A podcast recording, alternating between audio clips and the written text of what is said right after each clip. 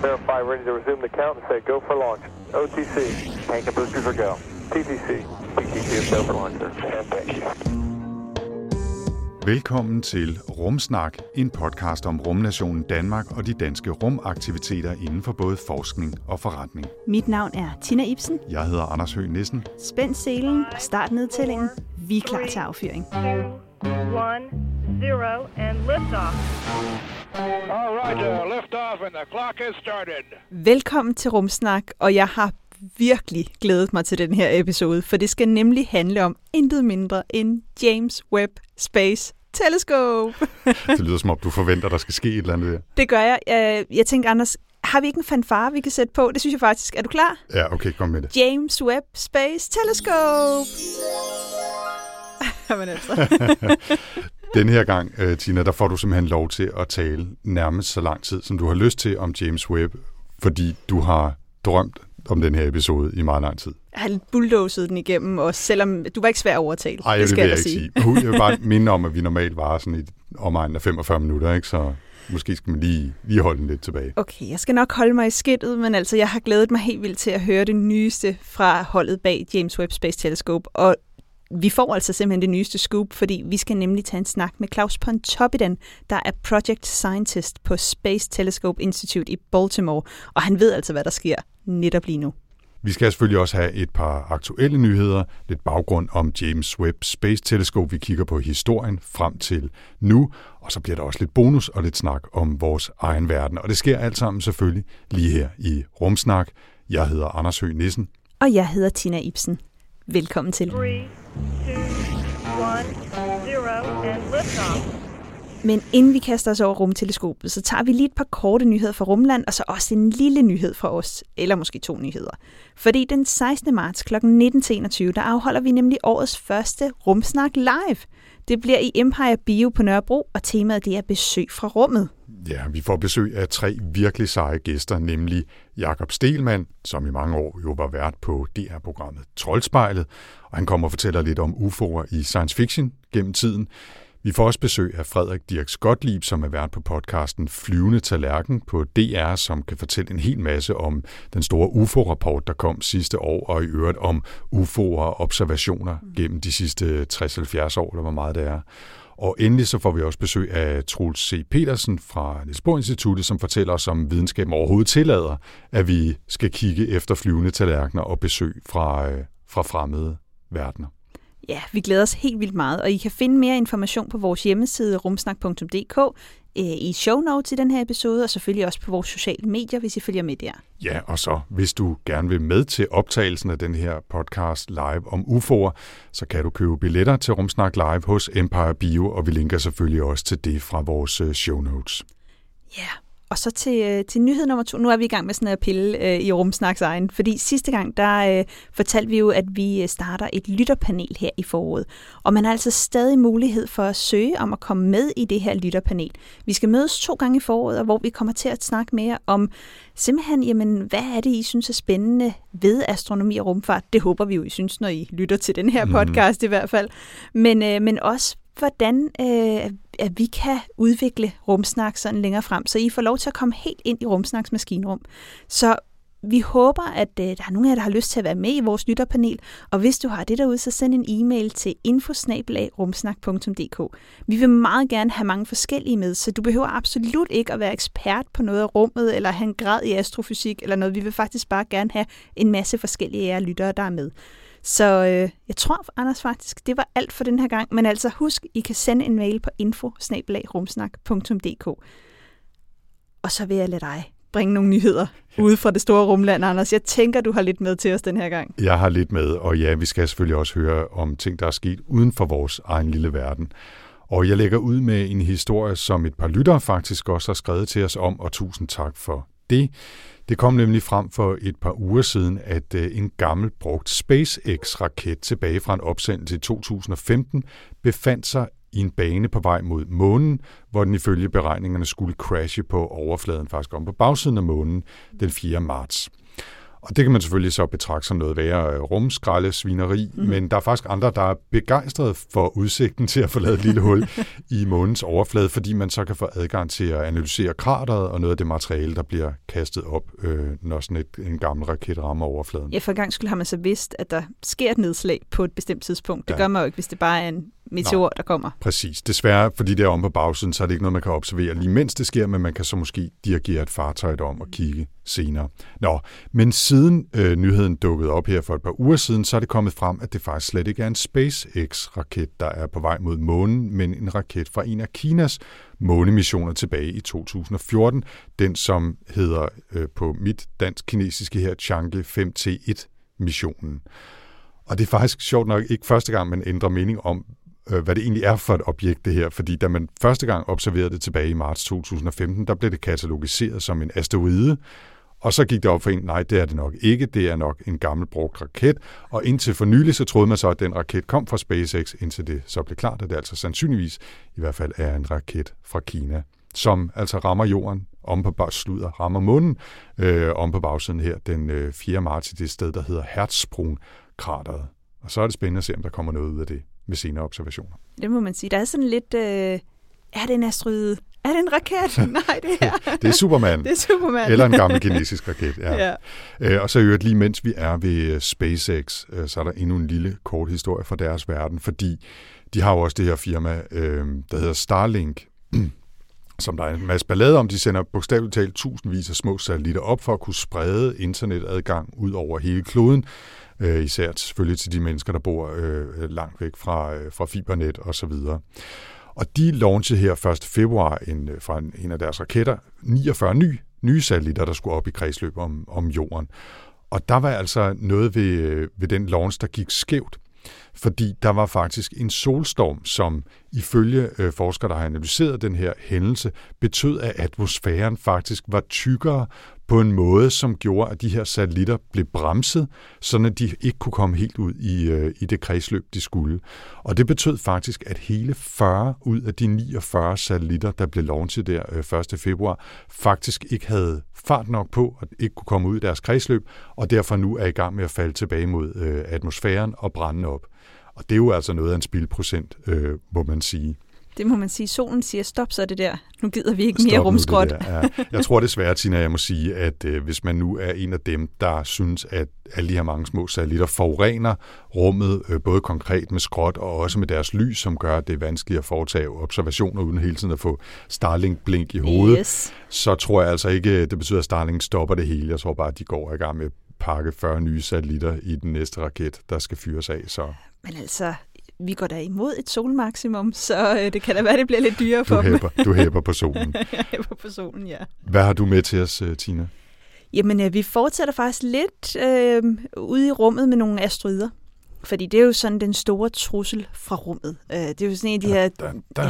typisk dommedags øh, af ting, der sker ude for rummet. Øh, fordi omkring jorden, der vrimler det jo med asteroider, og, øh, og som en del af NASA's, det her, de hedder, kalder for Planetary Defense Work, har man netop fundet den 10.000 mediumstørrelse nærjordsasteroide. Mm. Så man prøver at finde, det, det er nemmest selvfølgelig at finde de store. Øh, det er jo sådan de her store planet destroyers, eller life destroyers, som man kalder dem.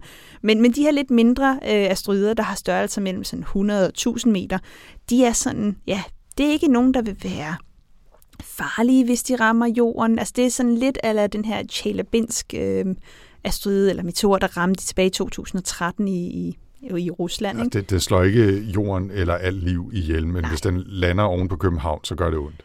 Ja, altså man mener faktisk, at størstedelen af de her, de vil brænde op i atmosfæren, men, øh, eller de vil gå i stykker og skabe de her chokbølger. Det var jo netop det, man så i 2013, at det ødelagde rigtig meget. Der var jo ikke Mm. nogen, der fik den her øh, meteor i hovedet. Øh, den landede nok i en eller anden form for sø, mener man, eller stykker af den landede.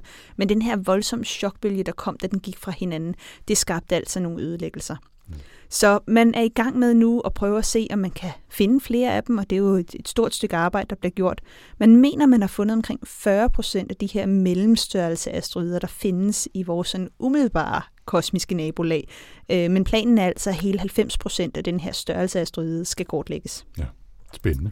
Ja, så, øh, så nu må vi se. Altså, det er jo sådan noget, der hele tiden kører. Det er jo sjældent, at man får for stor ny viden om, at nu har man fundet endnu en mellemstørrelse asteroide. Det er sådan noget af det, der foregår sådan lidt behind the scenes. Ja. Øhm, Men det her, det var så altså øh, nummer 10.000 i den her I mellemstørrelse. den her kategori, ja. Nereus asteroide, som man nu har kortlagt. Ja. Jeg har lige en, øh, en lille nyhed mere, så en bonus eller to. Ikke? ja. Bring it, Anders. Godt. Jeg har fået lov til at snakke om James Webb i dag. Du kan få lige så mange nyheder, du ved. ja, det er fint. Og den her nyhed, den handler om noget så eksotisk som en lille orm, som hedder en nematodeorm, og også har det latinske øh, navn C. elegans. Okay. Og grund til, at øh, den dukker op her i Rumsnak, det er, at den måske kan øh, være med til at give os ny viden om, hvordan mikrotyngdekraft påvirker astronauter.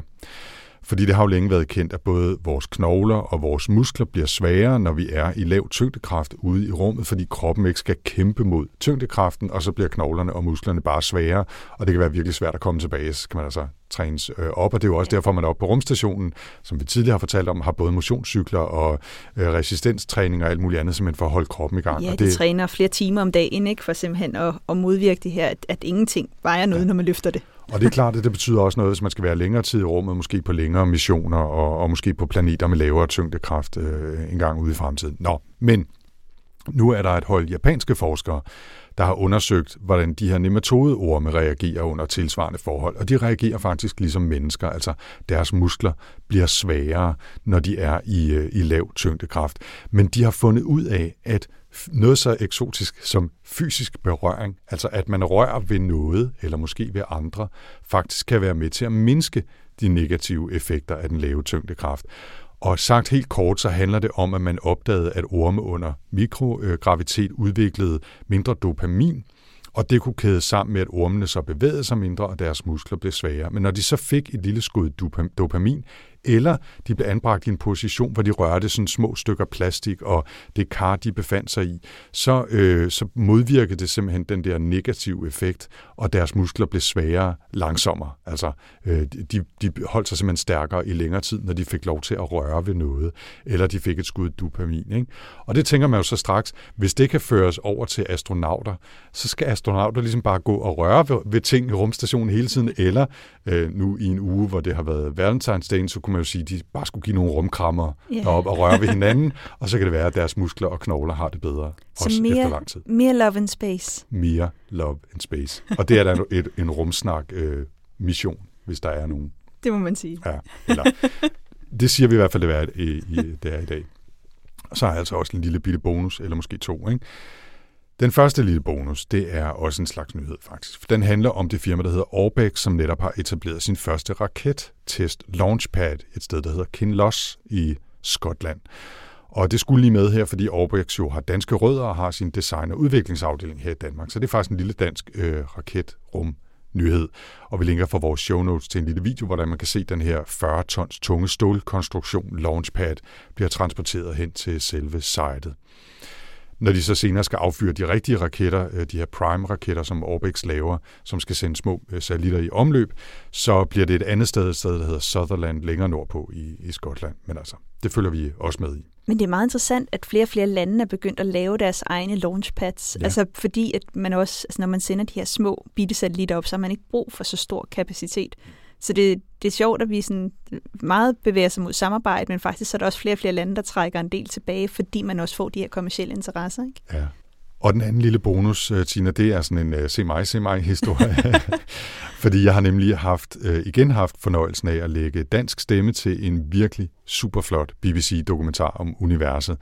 Den hedder ifølge planen på dansk Vores Uendelige Univers, og den kommer i hele fem afsnit på DRTV fra 1. marts, og så vidt jeg ved, så kommer man faktisk også til at kunne se alle afsnittene fra 1. marts på DR.dk. Og der bliver altså virkelig gået til stålet med hele historien om vores univers, om hvide dværge og sorte huller, og en total perlerække af kloge hoveder fra hele verden, som fortæller. Det er super spændende, og det er simpelthen så BBC lækkert lavet, at det er helt vildt. Ikke? Så det var sjovt at få lov til at lægge øh, stemme til det, altså vores uendelige univers på DR fra 1. marts. Jeg tænker, øh, næste gang de skal lave noget, så kan de da bare ringe til os, så skal vi da nok hjælpe dem med det fra BBC's side af. Ja, ja de, de giver os bare et kald, så Ja. kan du blive den nye Brian Cox. Ja. Det vil ikke gøre noget. Okay, it's a nice ride up to now. Men Tina, lad os øh, komme i gang med dagens tema, nemlig James Webb Space Telescope. Ja, lad os, øh, lad os tage et par nedslag i historien bag James Webb Space Telescope her til en begyndelse. Fordi ifølge NASA, så øh, starter historien om teleskopet tilbage i 1989, hvor den, og det var altså faktisk før Hubble-teleskopet blev opsendt, som det gjorde i 1990, så det er jo lidt interessant, at det faktisk ligger før det. Er det, er det før dig? Nej, nu stopper du. Jeg er fra 86, så jeg var hele tre år gammel på det her tidspunkt. men, øh, men den første workshop til det, der på det her tidspunkt blev kaldt The Next Generation Telescope, blev afholdt. Øh, og her begynder snakken altså om at lave efterfølgeren til Hubble, som skulle være et infrarødt teleskop. Øh, og ved at have et infrarødt teleskop i stedet for et optisk, som Hubble var, så kunne man simpelthen se lys, der var endnu længere tilbage. Og det var også noget af det, man arbejdede med til at starte med, så man ville kigge længere tilbage i tiden. Fordi noget af det fantastiske ved astronomi, det er jo netop, at når vi kigger op i universet, så kigger vi altid tilbage i tiden. Fordi lyset rejser med lysets hastighed, der er de her 300.000 km i sekundet. Øhm, men universet er så stort, at det tager altså et stykke tid for lyset at tilbagelægge afstanden. Og det vil sige, når vi kigger ud, så, kan, så ser vi jo det lys, som det så ud, da det blev afsendt fra et sted. Så for eksempel, når vi kigger op på månen, det ligger cirka et lyssekund væk, så vi ser altid månen, som den så ud for et sekund tilbage. Mm. Det samme med solen, det er for 8 minutter tilbage, for den ligger 8 lysminutter væk.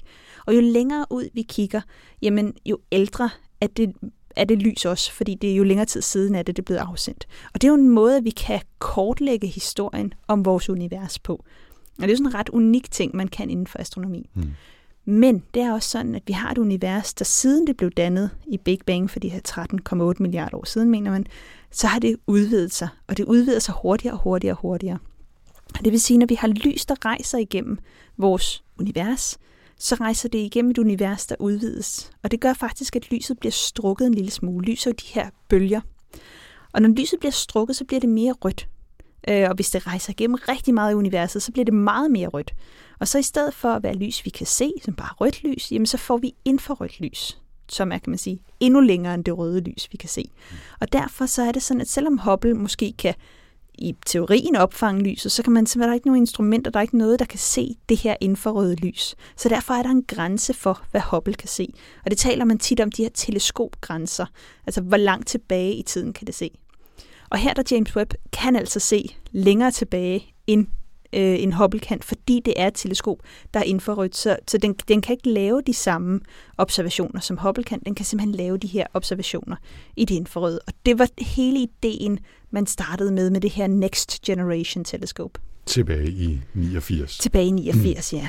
Og så i øh, september 93, der øh, blev man, øh, der, der udpegede man en komité med navnet HST and Beyond, som øh, i de følgende år begyndte at arbejde med at udtænke, hvordan man så skulle bygge det her øh, teleskop, hvordan det skulle fungere. Og der, det gjorde de så i nogle år, så i 98, der kom der en rapport med navnet The Next Generation Space Telescope Visiting the Time When Galaxies Were Young, hvor man kan se det overordnede design for teleskopet. Og året efter det, så i 99, der begyndte NASA så at lede efter rumvirksomheder, som kunne hjælpe med at designe og bygge teleskopet. Og vi er stadigvæk kun nået til lige knap år 2000. Yes. Det har været længe undervejs, det her.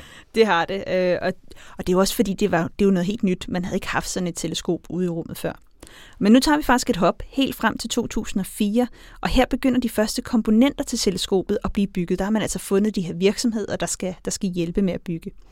Øhm, og det starter med at være en række af de her videnskabelige instrumenter, og så de her 18 store spejlsegmenter, der udgør det primære spejl i teleskopet. Øh, To år senere, i 2006, der blev de første instrumenter testet, og de består. Øh, de her første test, de kommer igennem. Og det betyder altså, at de følgende år, der kan man gå videre med de her store dele af sådan hele konstruktionen af teleskopet, hvor det ikke bare var de her enkelte kan man sige, kasser, du sætter ind i, øh, i det her teleskop. Ja. Men det var ikke bare alting, der gik fremad og lykkedes, og ting, der bestod test. Fordi i 2011, der var det hele næsten ved at smuldre. Teleskopet var blevet forsinket, og det har været meget dyrere at bygge, end man hidtil havde troet, eller i hvert fald hidtil øh, havde planlagt. Og derfor var der en række amerikanske politikere, der forsøgte at stanse projektet. Men det fik så øh, både amerikanske øh, astronomer og astronomer fra hele verden op at have stolene. De lavede en stor appel til medlemmerne af The House Appropriations Committee, som det hedder, om at fortsætte støtten til teleskopet. Og få måneder efter, så blev det klart, at man opnåede flertal og altså kunne fortsætte byggeriet af James Webb Space Telescope. Ja, det er ret vildt. Det siger også noget om hele finansieringsmodellen, ikke? At det er sådan, I får noget, og så bliver det lidt dyrere, så må man sådan ligge på knæ for at få lidt mere. Altså, det, det er lidt specielt, særligt i USA, den måde, at, øh, at NASA er finansieret på. Men det er også mange penge. Jeg tror, det var 9, 9,5 milliarder eller sådan noget. Tænk på, dollars. hvor meget guf vi får for pengene. ja, ja, ja, ja. Men øh, så skal vi faktisk frem til øh, december 2017, fordi der gennemgår James Webb Space Telescope, der på det her tidspunkt er samlet og klar, sin endelige test, og den består. Men året efter, der støder projektet faktisk på nye problemer, fordi at det her fremdriftssystem øh, viser det sig, at der er nogle fejl ved. Og det betyder, at opsendelsesstationen øh, skydes fra 2018, hvor det oprindeligt var, til 2020. Og så de sidste problemer kommer jo så, da James Webb sidste år skulle sættes fast i den her Ariane 5-raket, der skulle bære den ud i rummet. Øh, og det viste sig også at være noget mere kompliceret, øh, og det betød altså, at den her opsendelse blev skudt flere og flere omgange. Altså jeg kan huske, man sådan gik, så var det den 18. december, så var det den 22. december, så blev den 24. Og endelig, så blev det altså opsendelsestid den 25. december 2021. Som en ekstra lille julegave til Tina Ibsen i Danmark. Tina Ibsen, hun sad i hvert fald og kiggede opsendelse, og hun havde øh, fået hele sin familie med. Ja. og selv min mor synes, det var spændende, så det, øh, det er alligevel noget. Mm. Men siden da har James Webb Space Telescope jo rejst ud til sin destination i Lagrange punkt 2, det vi kalder L2, øh, og til at fortælle meget mere om det, og hvad der egentlig sker med James Webb-teleskopet lige nu, der har vi taget en snak med Claus Pontoppidan, som er Project Scientist på Space Telescope Institute i Baltimore, og ham kan man møde lige her. 3, 2, 1, 0, and. Jamen, jeg har arbejdet på projektet i mere end 11 år nu, og der har været udfordringer hele vejen. Um, så jeg vil sige, fra, fra mit synspunkt, så har de store udfordringer har været for mange år siden, hvor teleskopet ikke var færdigbygget endnu, og hvor, hvor, hvor det var blevet forsinket, og det viste sig, at det kostede mange flere penge, end det man havde regnet med. Ikke? Så der var der jo et risiko for, at den amerikanske kongres ville, ville aflyse hele projektet. Det var de store udfordringer dengang. Så vi siger, at de sidste få måneder, der var der ikke nogen, der tvivlede på, at, at vi ville blive opsendt. Uh, så det var mere et spørgsmål om at, at, at, at vente nogle gange. Ikke? Så hvis, hvis, hvis det blev forsinket en uge eller et par uger, eller sådan noget, så var det ikke det store for os. Vi, vi, vi var mere utålmodige og vente på, at vi rent faktisk kunne få, få lov til at udføre det arbejde, som vi har forberedt os på så længe. Jeg vil sige, Claus, at jeg har været nervøs så på din vegne, altså i, i de sidste måneder op til, altså netop da jeg hørte den der historie om, at de havde tabt det på gulvet. Så slemt var det selvfølgelig ikke, men jeg nåede at se fra mit indre blik, at det hele bare var væltet. Altså, og jeg, har, jeg ville simpelthen have så meget paranoia, hvis det var mig, der skulle gå og gøre nogle af de der ting lige inden opsendelsen, at jeg, jeg slet ikke kan fatte det. Altså, nå. Ja, det, det, det kan jeg godt forstå. Ja, det er godt, du har taget den med ro. Men Claus, altså nu, nu gik det jo godt, og, øh, og James Webb Space Telescope blev opsendt her den 25. december. Kan du fortælle lidt om turen siden da, altså fra opsendelsen og så til at starte med til ankomsten ved det her L2 Lagrange-punkt? Jamen, det har været en, det var en fantastisk tur.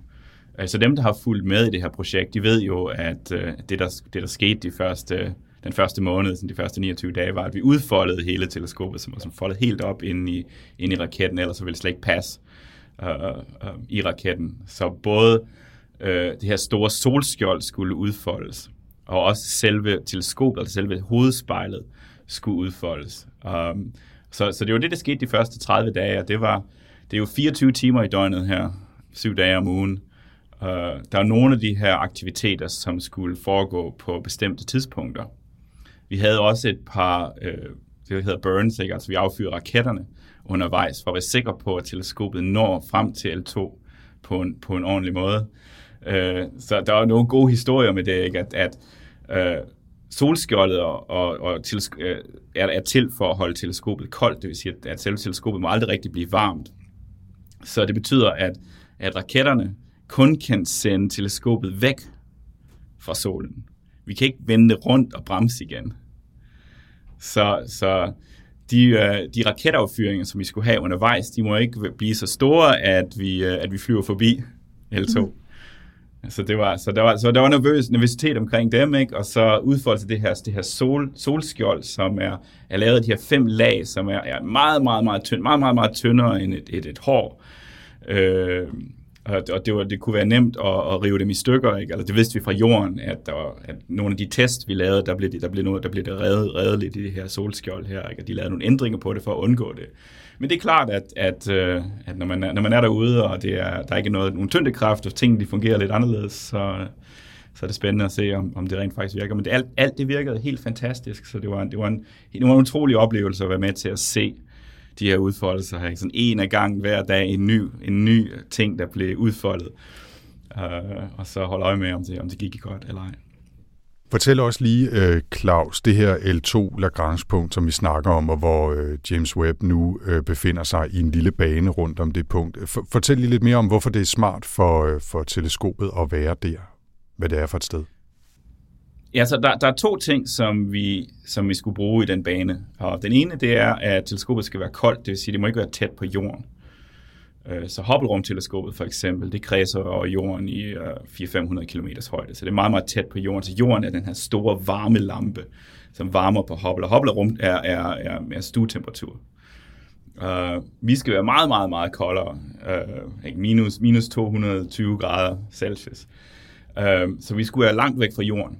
Men vi, vi ved også, at, at vi har kameraer og instrumenter, som tager store billeder. Ikke? Altså, Nircam-kameraer er, er 40 megapixel, så der er en masse data, der skal ned. Så hvis vi ender helt vildt langt væk fra jorden, så vil det tage alt for lang tid at, at sende alle de data ned.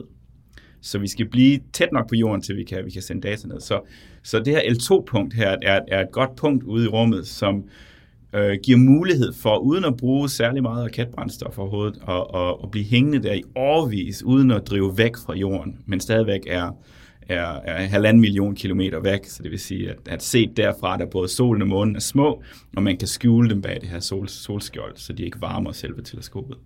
Ja, Claus, vi har haft øh, flere lytter, der har, har spurgt os også, om vi ikke vil spørge dig om, hvad er det her L2-punkt egentlig? Hvordan kan man overhovedet sætte et teleskop ud, og så, så er det bare der, for det, det lyder jo næsten sådan lidt af, sådan tyngdekraft-magi. Kan du fortælle os lidt om, øh, om L2? L2, de, alle de her Lagrange-punkter, det er noget, der opstår, når man har to massive, eller to tunge objekter, der kredser om hinanden. Øh, så i det her tilfælde, der er de to tunge objekter, det er solen, og det er jorden. Så hvis, hvis jorden ikke havde været der, så, noget, så ville det noget, der kredsede om solen, det ville kredse med en bestemt hastighed rundt om solen. Og, og det er sådan en helt fundamental fysik, hvis der, hvis der er nogen, der har haft fysik i, uh, i gymnasiet. at, at hvis der er noget, der kredser længere væk fra solen, så, så, kredser det, så, så bevæger det sig langsommere og langsommere, det der hedder Keplers lov. Um, øhm, så det vil sige, at hvis, hvis, hvis jorden ikke havde nogen masse, hvis jorden ikke vejede noget, og man sendte sendt uh, øh, uh, øh, James Webb ud lige på den anden side af jorden, eller lidt længere væk fra solen, så ville det drive væk, fordi det ville, det ville kredse langsommere og langsommere. Men fordi jorden har masse, jorden har, har vægt, så, så, så lægger man tyngdekraften fra både solen og jorden sammen. Det vil sige, at Webb den kan, kan kredse lidt hurtigere, selvom det er lidt for langt væk fra, fra solen. Så det er lidt ligesom at have en hund i snor. Mm. Og, og L2, det viser sig så at, at være et punkt, som, øh, som, som, hvor, hvor, hvor, hvor tyngdekraften lige præcis, på både jorden og solen lige præcis er nok til, at, at, at web simpelthen holder, øh, øh, kredser med samme hastighed øh, som jorden rundt om, om solen. Det viser sig så, at, at hvis man er lige præcis på L2, så er det ikke så godt, fordi at øh, så vil, øh, så vil øh, jorden dække for solen, når vi skal bruge øh, lyset fra solen til energi, til, til at lave strøm på observatoriet. Så i stedet for, så, lave, så kan man lave en lille bane rundt om, eller faktisk en meget, meget stor bane.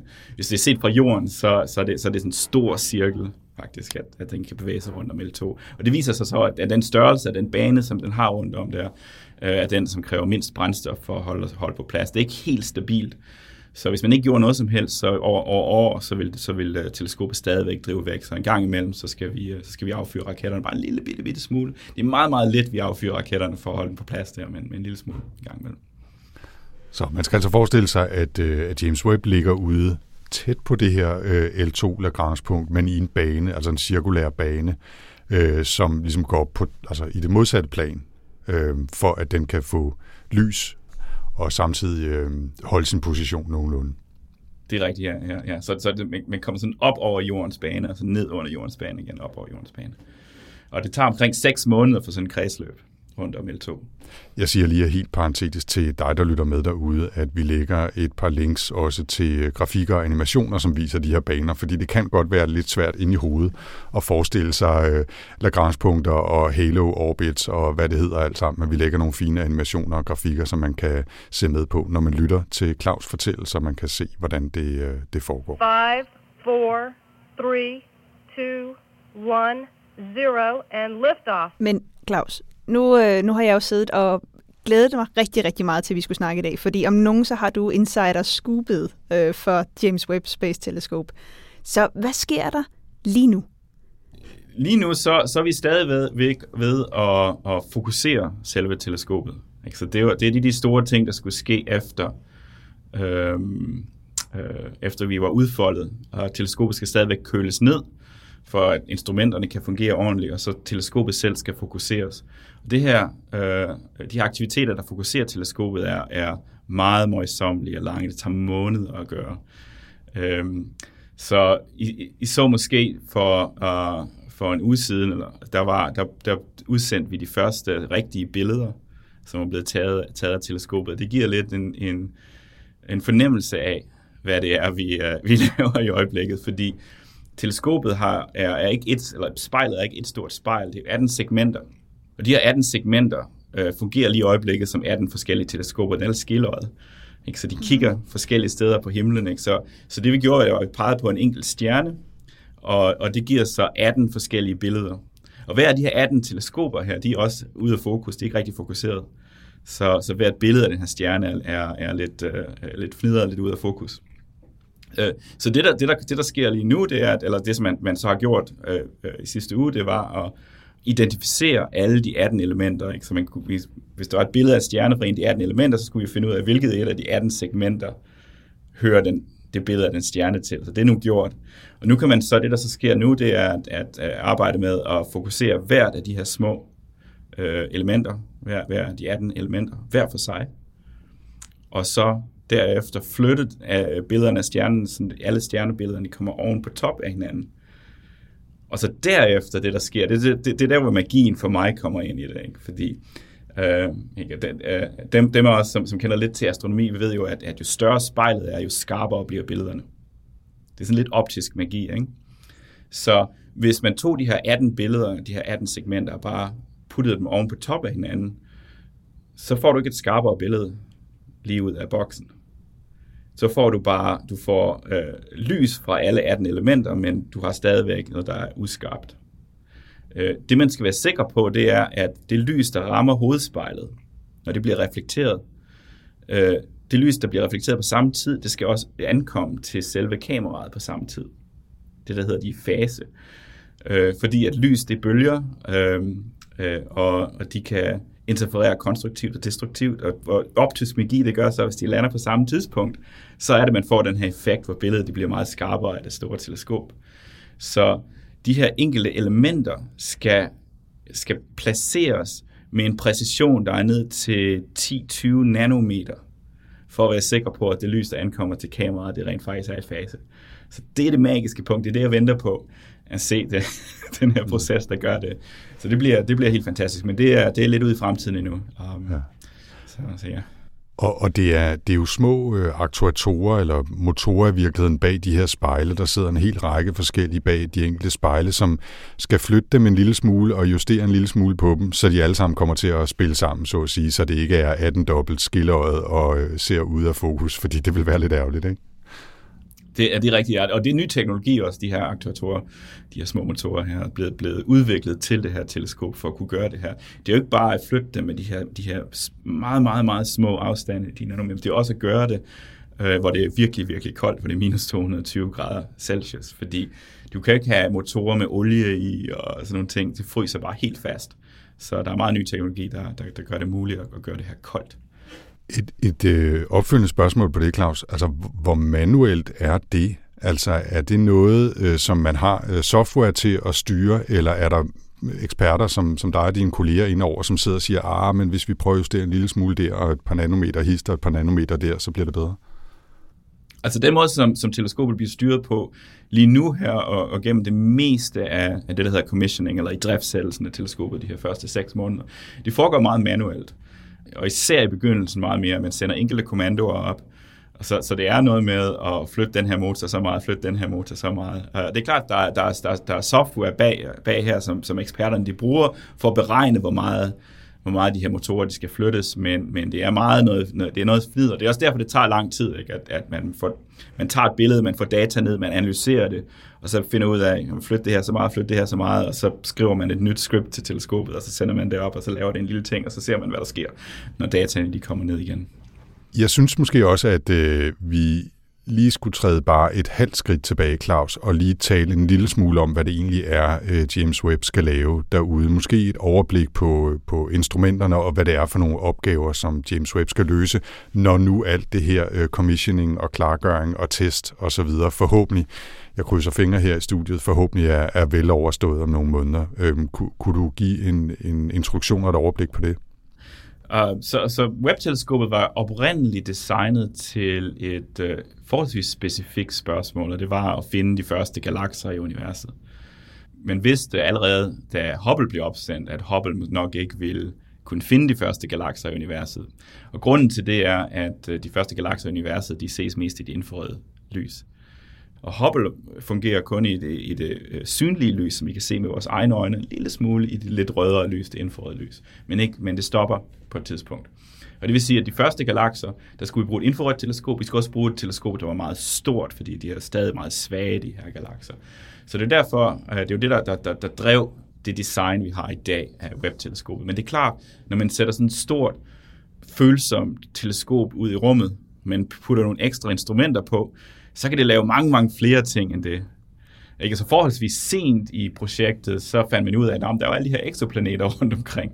Vi kan lige pludselig begynde at opdage, nu er der jo tusindvis af dem, så er der 5.000 nu. Ikke? Så, uh, øh, så det her store følsomme teleskop, det kan også kigge på eksoplaneter. Uh, så det kigger, det vil kigge på, om det er sammensætning af de her eksoplaneter er, hvad deres atmosfære er lavet af, måske kigge efter, om der er mulighed for liv nogle steder, eller i hvert fald tage et stort skridt i den retning. Og så kan man fortsætte derud, at der er næsten 400 programmer i det første år med, uh, for forskere rundt omkring i verden, der laver alting uh, inden for, næsten alting inden for astrofysik.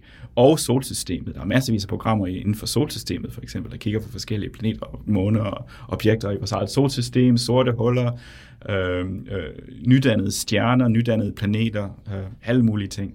Så, så ligesom Hubble, ikke, så, så vil det være meget, meget bredt flagskibsteleskop. Ja, og man får nogle nye øjne, så at sige, på, øh, også på kendt kendt stof. Og så er det klart, at når man kigger igen, så får man måske nye ting at vide, og, og kan lære nye ting om ja, alting fra vores eget solsystem, det helt nære miljø, og så hele vejen tilbage til de allertidligste øh, galakser. Ja, og, og når man er så meget mere følsom, øh, så øh, i, i visse områder af det, af det elektromagnetiske spektrum, der er, vi, der er vi 100 gange mere følsomme, eller mere, end noget, der nogensinde har gjort før. Så det, det, det er sådan lidt ligesom at have i, i det her bølgelængdeområde, at man, man kun har observeret om dagen, man har et eller andet teleskop nede på jorden om dagen, dagen i, i sollys, og lige pludselig så er der nogen, der slukker for solen, og så opdager man, hov, der er jo mælkevej og stjerner og alle de her ting, som vi ikke vidste var der. Øh, så når man først starter på det, så tror jeg, at vi finder ting, som vi ikke havde regnet med var der. Det bliver spændende. Det bliver så spændende. Men, men Claus, du siger, at det er 400 programmer, så der er simpelthen 400 projekter, kan man sige, eller forslag, der er kommet ind fra forskere fra hele verden i forhold til, hvad de gerne vil observere her det første stykke tid. Øhm, hvordan udvælger man egentlig sådan nogle programmer? Altså, er, det, og det, er det jer, der sidder og, og laver den udvalgelse? Ja, nej. Det er os, der øh, organiserer den her udvalgelse her. Så vi, vi, fik, vi modtog mange flere programmer end de her 400. Øh, så der, det er en konkurrence. Øh, men det er ikke os, der bestemmer som sådan en som konge. Du får, du får tid, og du får ikke tid. Øh, det, er, det, er, det er videnskabelige samfund selv, der gør det. Ikke? Så det er peer-reviewed. Så når vi får de her ansøgninger ind, så sammensætter vi paneler af forskere rundt omkring i verden. Øh, det er hundredvis af forskere, som kommer ind og, og er med på de her paneler her. Og det er dem, som så læser de her ansøgninger igennem og, og, og bestemmer, øh, hvilke der er der får høj prioritet, og hvilke der får lav prioritet. Og det afhænger udelukkende af, hvor, hvor, hvor, hvor, hvor godt eksperimentet er sammensat videnskabeligt, og hvor spændende de synes, det er. Øh, en af de ting, som for eksempel, som vi har lavet, som er, været, som er meget nyt, er, er det, øh, der hedder dual anonymous, det vil sige, at øh, de ansøgninger, der kommer ind, er anonyme. Så, så dem, der sender ansøgningen ind, de ved ikke, hvem der, hvem der vurderer ansøgningerne. Det er meget hemmeligt. Og, og dem, som vurderer ansøgningerne, de ved ikke, hvem der har skrevet ansøgningen. Der er ikke noget navn på. Så det vil sige, at hvis du er en studerende ude omkring i verden, en astronomistuderende, du har en rigtig god idé, øh, så, så, så, så, så øh, kommer du ikke ind i det her problem, hvor panelet det sidder og kigger på, at men du er ikke en stor, vigtig professor, så vi giver, du, får, du får ikke tid. De kigger kun på, ej, hvor er en spændende idé, du får tid. Så, så det vi set, så i, øh, i statistikken, det var, at øh, vi havde, efter vi, havde, vi, vi anonymiserede de her, det her, den her proces, så fik vi mange flere øh, unge studerende, som havde tid på, på teleskopet, og det kan vi se med Web også. Der er mange unge mennesker, som er med i det, og det synes jeg er rigtig spændende. Ja, det er da super sjovt øh, og spændende og vigtigt. Altså, man får en masse nye øh, og måske anderledes øh, idéer på den måde, når, når man anonymiserer dobbelt, som du siger, ikke? Ja. Og jeg vil også lige, jeg vil også lige påpege, at øh, Danmark er rigtig godt med i det her. Øh, der, der er nogle, nogle rigtig store hold i Danmark, som, som, er, som er med, og jeg tror, hvis man, hvis man tæller det hele sammen, jeg kan ikke huske, hvad, hvad tallet er, men de har de er med i en, i en, i en, faktisk en ret stor brøkdel af programmerne i, i det første år, så, så Danmark er rigtig stolt af det, de har gjort. Du har ikke noget med, Tina, vel? Øh, ingen kommentar. Nej, ja. det har jeg ikke.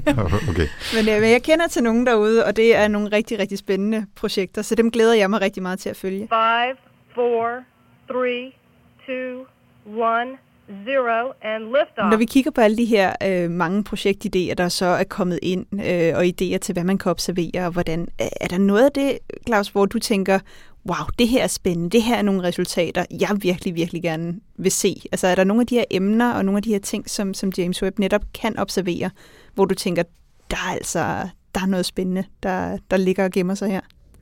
Ja, ja helt sikkert. Uh, så, så måske for lige at snakke om nogle ting, som jeg ikke har snakket så meget om. Og der er en af de, nogle af de projekter, som er meget spændende, synes jeg. Øh, og det er, der vi har projekter, der vil observere øh, interstellare øh, kometer.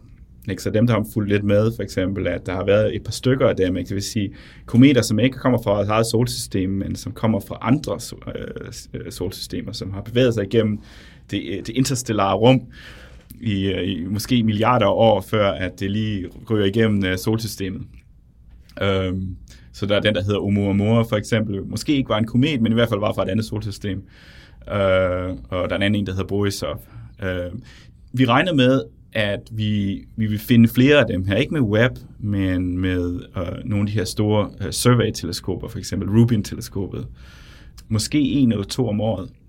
Så med henblik på det, så er der programmer, som allerede har tid til, at, at hvis når vi finder den næste af dem her, så, så kan vi observere det med web og finde ud af, hvad den her komet fra et andet solsystem er lavet af. Så det er ligesom en gave, at man får det her stykke, at man kan, man kan kigge meget, meget nærmere på, og så kan man besvare spørgsmål om, om andre solsystemer har samme kemi, som, øh, som øh, vores eget solsystem havde, havde tidligere, på en helt, helt ny måde og, og, og det giver nogle, nogle, en meget bedre indblik ind i øh, spørgsmål, som, om, øh, som, som jorden er, er jorden et, øh, et almindeligt øh, en almindelig slags planet, eller er det en sjælden slags planet?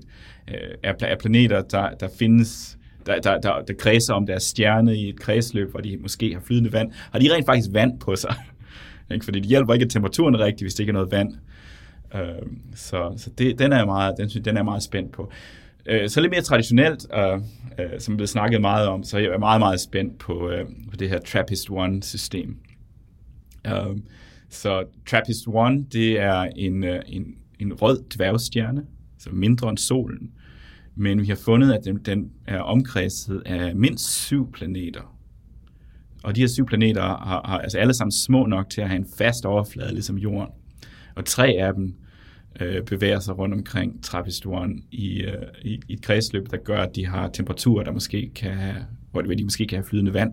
Men en af de ting, som vi ikke ved om den her slags planeter, det er, om de har en atmosfære. Og vi er klart, at man skal have en atmosfære for at kunne have liv. Og, og, og grunden til, at vi ikke er rigtig sikre på, om de har en atmosfære, det er, fordi det her, de kredser om den her røde dværgstjerne. De her røde dværgstjerner, de er meget aktive.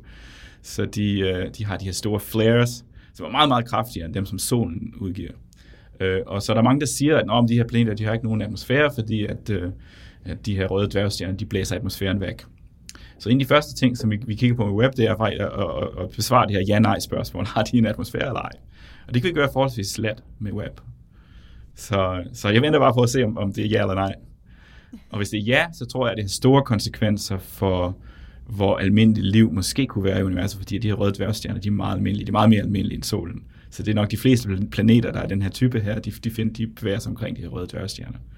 Så hvis stjerner er atmosfære, så kan de være meget almindelige. Så er det et svar, vi kan forvente i år så, tænker du? Ja. Der har vi en øh, fremtidig øh, episode af Rumsnak der. Ja, det glæder vi os til at høre meget mere om. Men Claus, hvornår øh, altså, har I en dato på, hvornår de første får lov til at bruge? Altså jeg ved godt, der er jo sikkert er noget, der kan rykke, så det kommer lidt an på, hvordan de her næste par måneder kommer til at gå. Men har I ligesom sådan en, et, et mål, I går efter? Fra heraf kan, kan den her science begynde på, på James Webb? Ja, helt sikkert. Um, altså hele den her driftsættelsesproces er noget, der er planlagt i, været planlagt i lang tid. Det er faktisk ned til per minut til minut. Uh, det minder mig lidt om, altså for, for dem af os, som er gamle nok til at huske Olsen-banden, ikke? det hele det er tegnet og tilrettelagt. uh, og der, der er omkring 5.000 forskellige aktiviteter i den. Uh, så det er klart, at tingene de bliver rykket rundt, ikke? Når, når, når, man, når, når tingene de bliver virkelige, og man, man, man måske løber ind i et lille problem her, der skal fikses osv.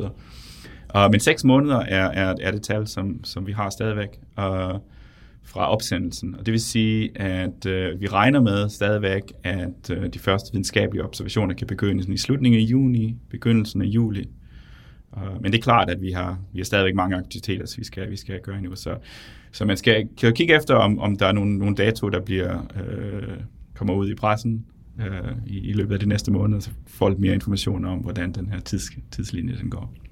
Altså, jeg, jeg siger bare parentetisk, Claus, at jeg har fødselsdag den 13. juli, og det vil være en god fødselsdagsgave til en rumsnak øh, podcast vært og, og få de første øh, missioner i gang sat der. Jeg siger det bare, altså hvis du kan bringe det videre på en eller anden måde, så, så vil det være fint. Ja.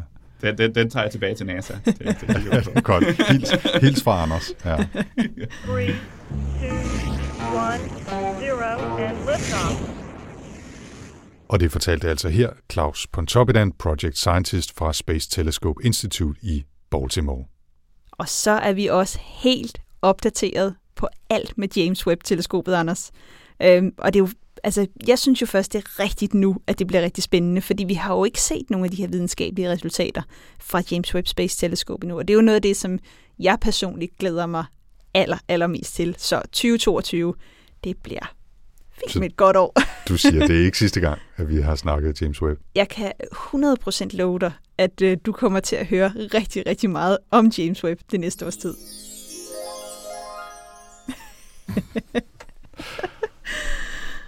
og med det er Rumsnak landet for denne gang, og du fik altså sned en helt episode ind om uh, James Webb Space Telescope, Tina. Ja. Det er næsten ligesom en ekstra juleaften. Det er det. Øh, det hvem ved? Det kan, øh, hvis I der udlytter også gerne vil have mere, så, øh, så skriv til Anders og bombarder ham med, at øh, vi skal have meget mere om øh, James Webb. jeg synes altså også, at James Webb er spændende. Ja, det ved jeg godt. Du var heller ikke svær at overtale. Nej, det var jeg ikke.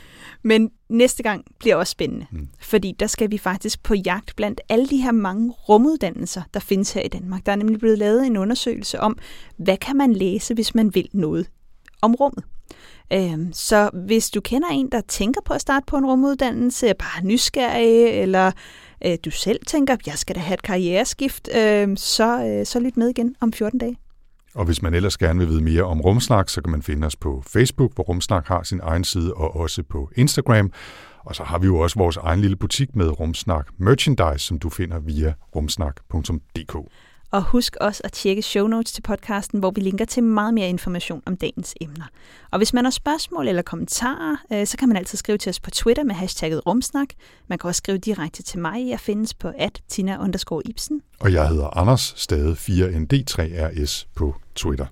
Vi tager altid meget gerne imod input og idéer, og hvis du har nogle spørgsmål øh, til vores næste emne, nemlig rumuddannelse, så skriv endelig til os, fordi så tager vi det videre.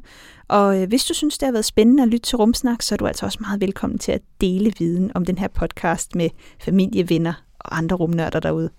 Og så spørger vi også her til sidst, som vi plejer, øh, om at du måske har lyst til at give os nogle stjerner i Apple Podcast, fordi de her ratings, de hjælper andre med at finde rumsnak derude, og så er det også feedback til os, og al feedback modtages med kysshånd. Rumsnak er støttet af Novo Nordisk Fonden og bliver produceret af Potlab. Jeg hedder Tina Ibsen. og jeg hedder Anders Høgh Nissen. Tak for denne gang.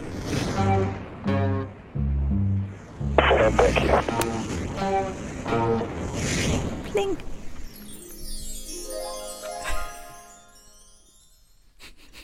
Pling. Pling.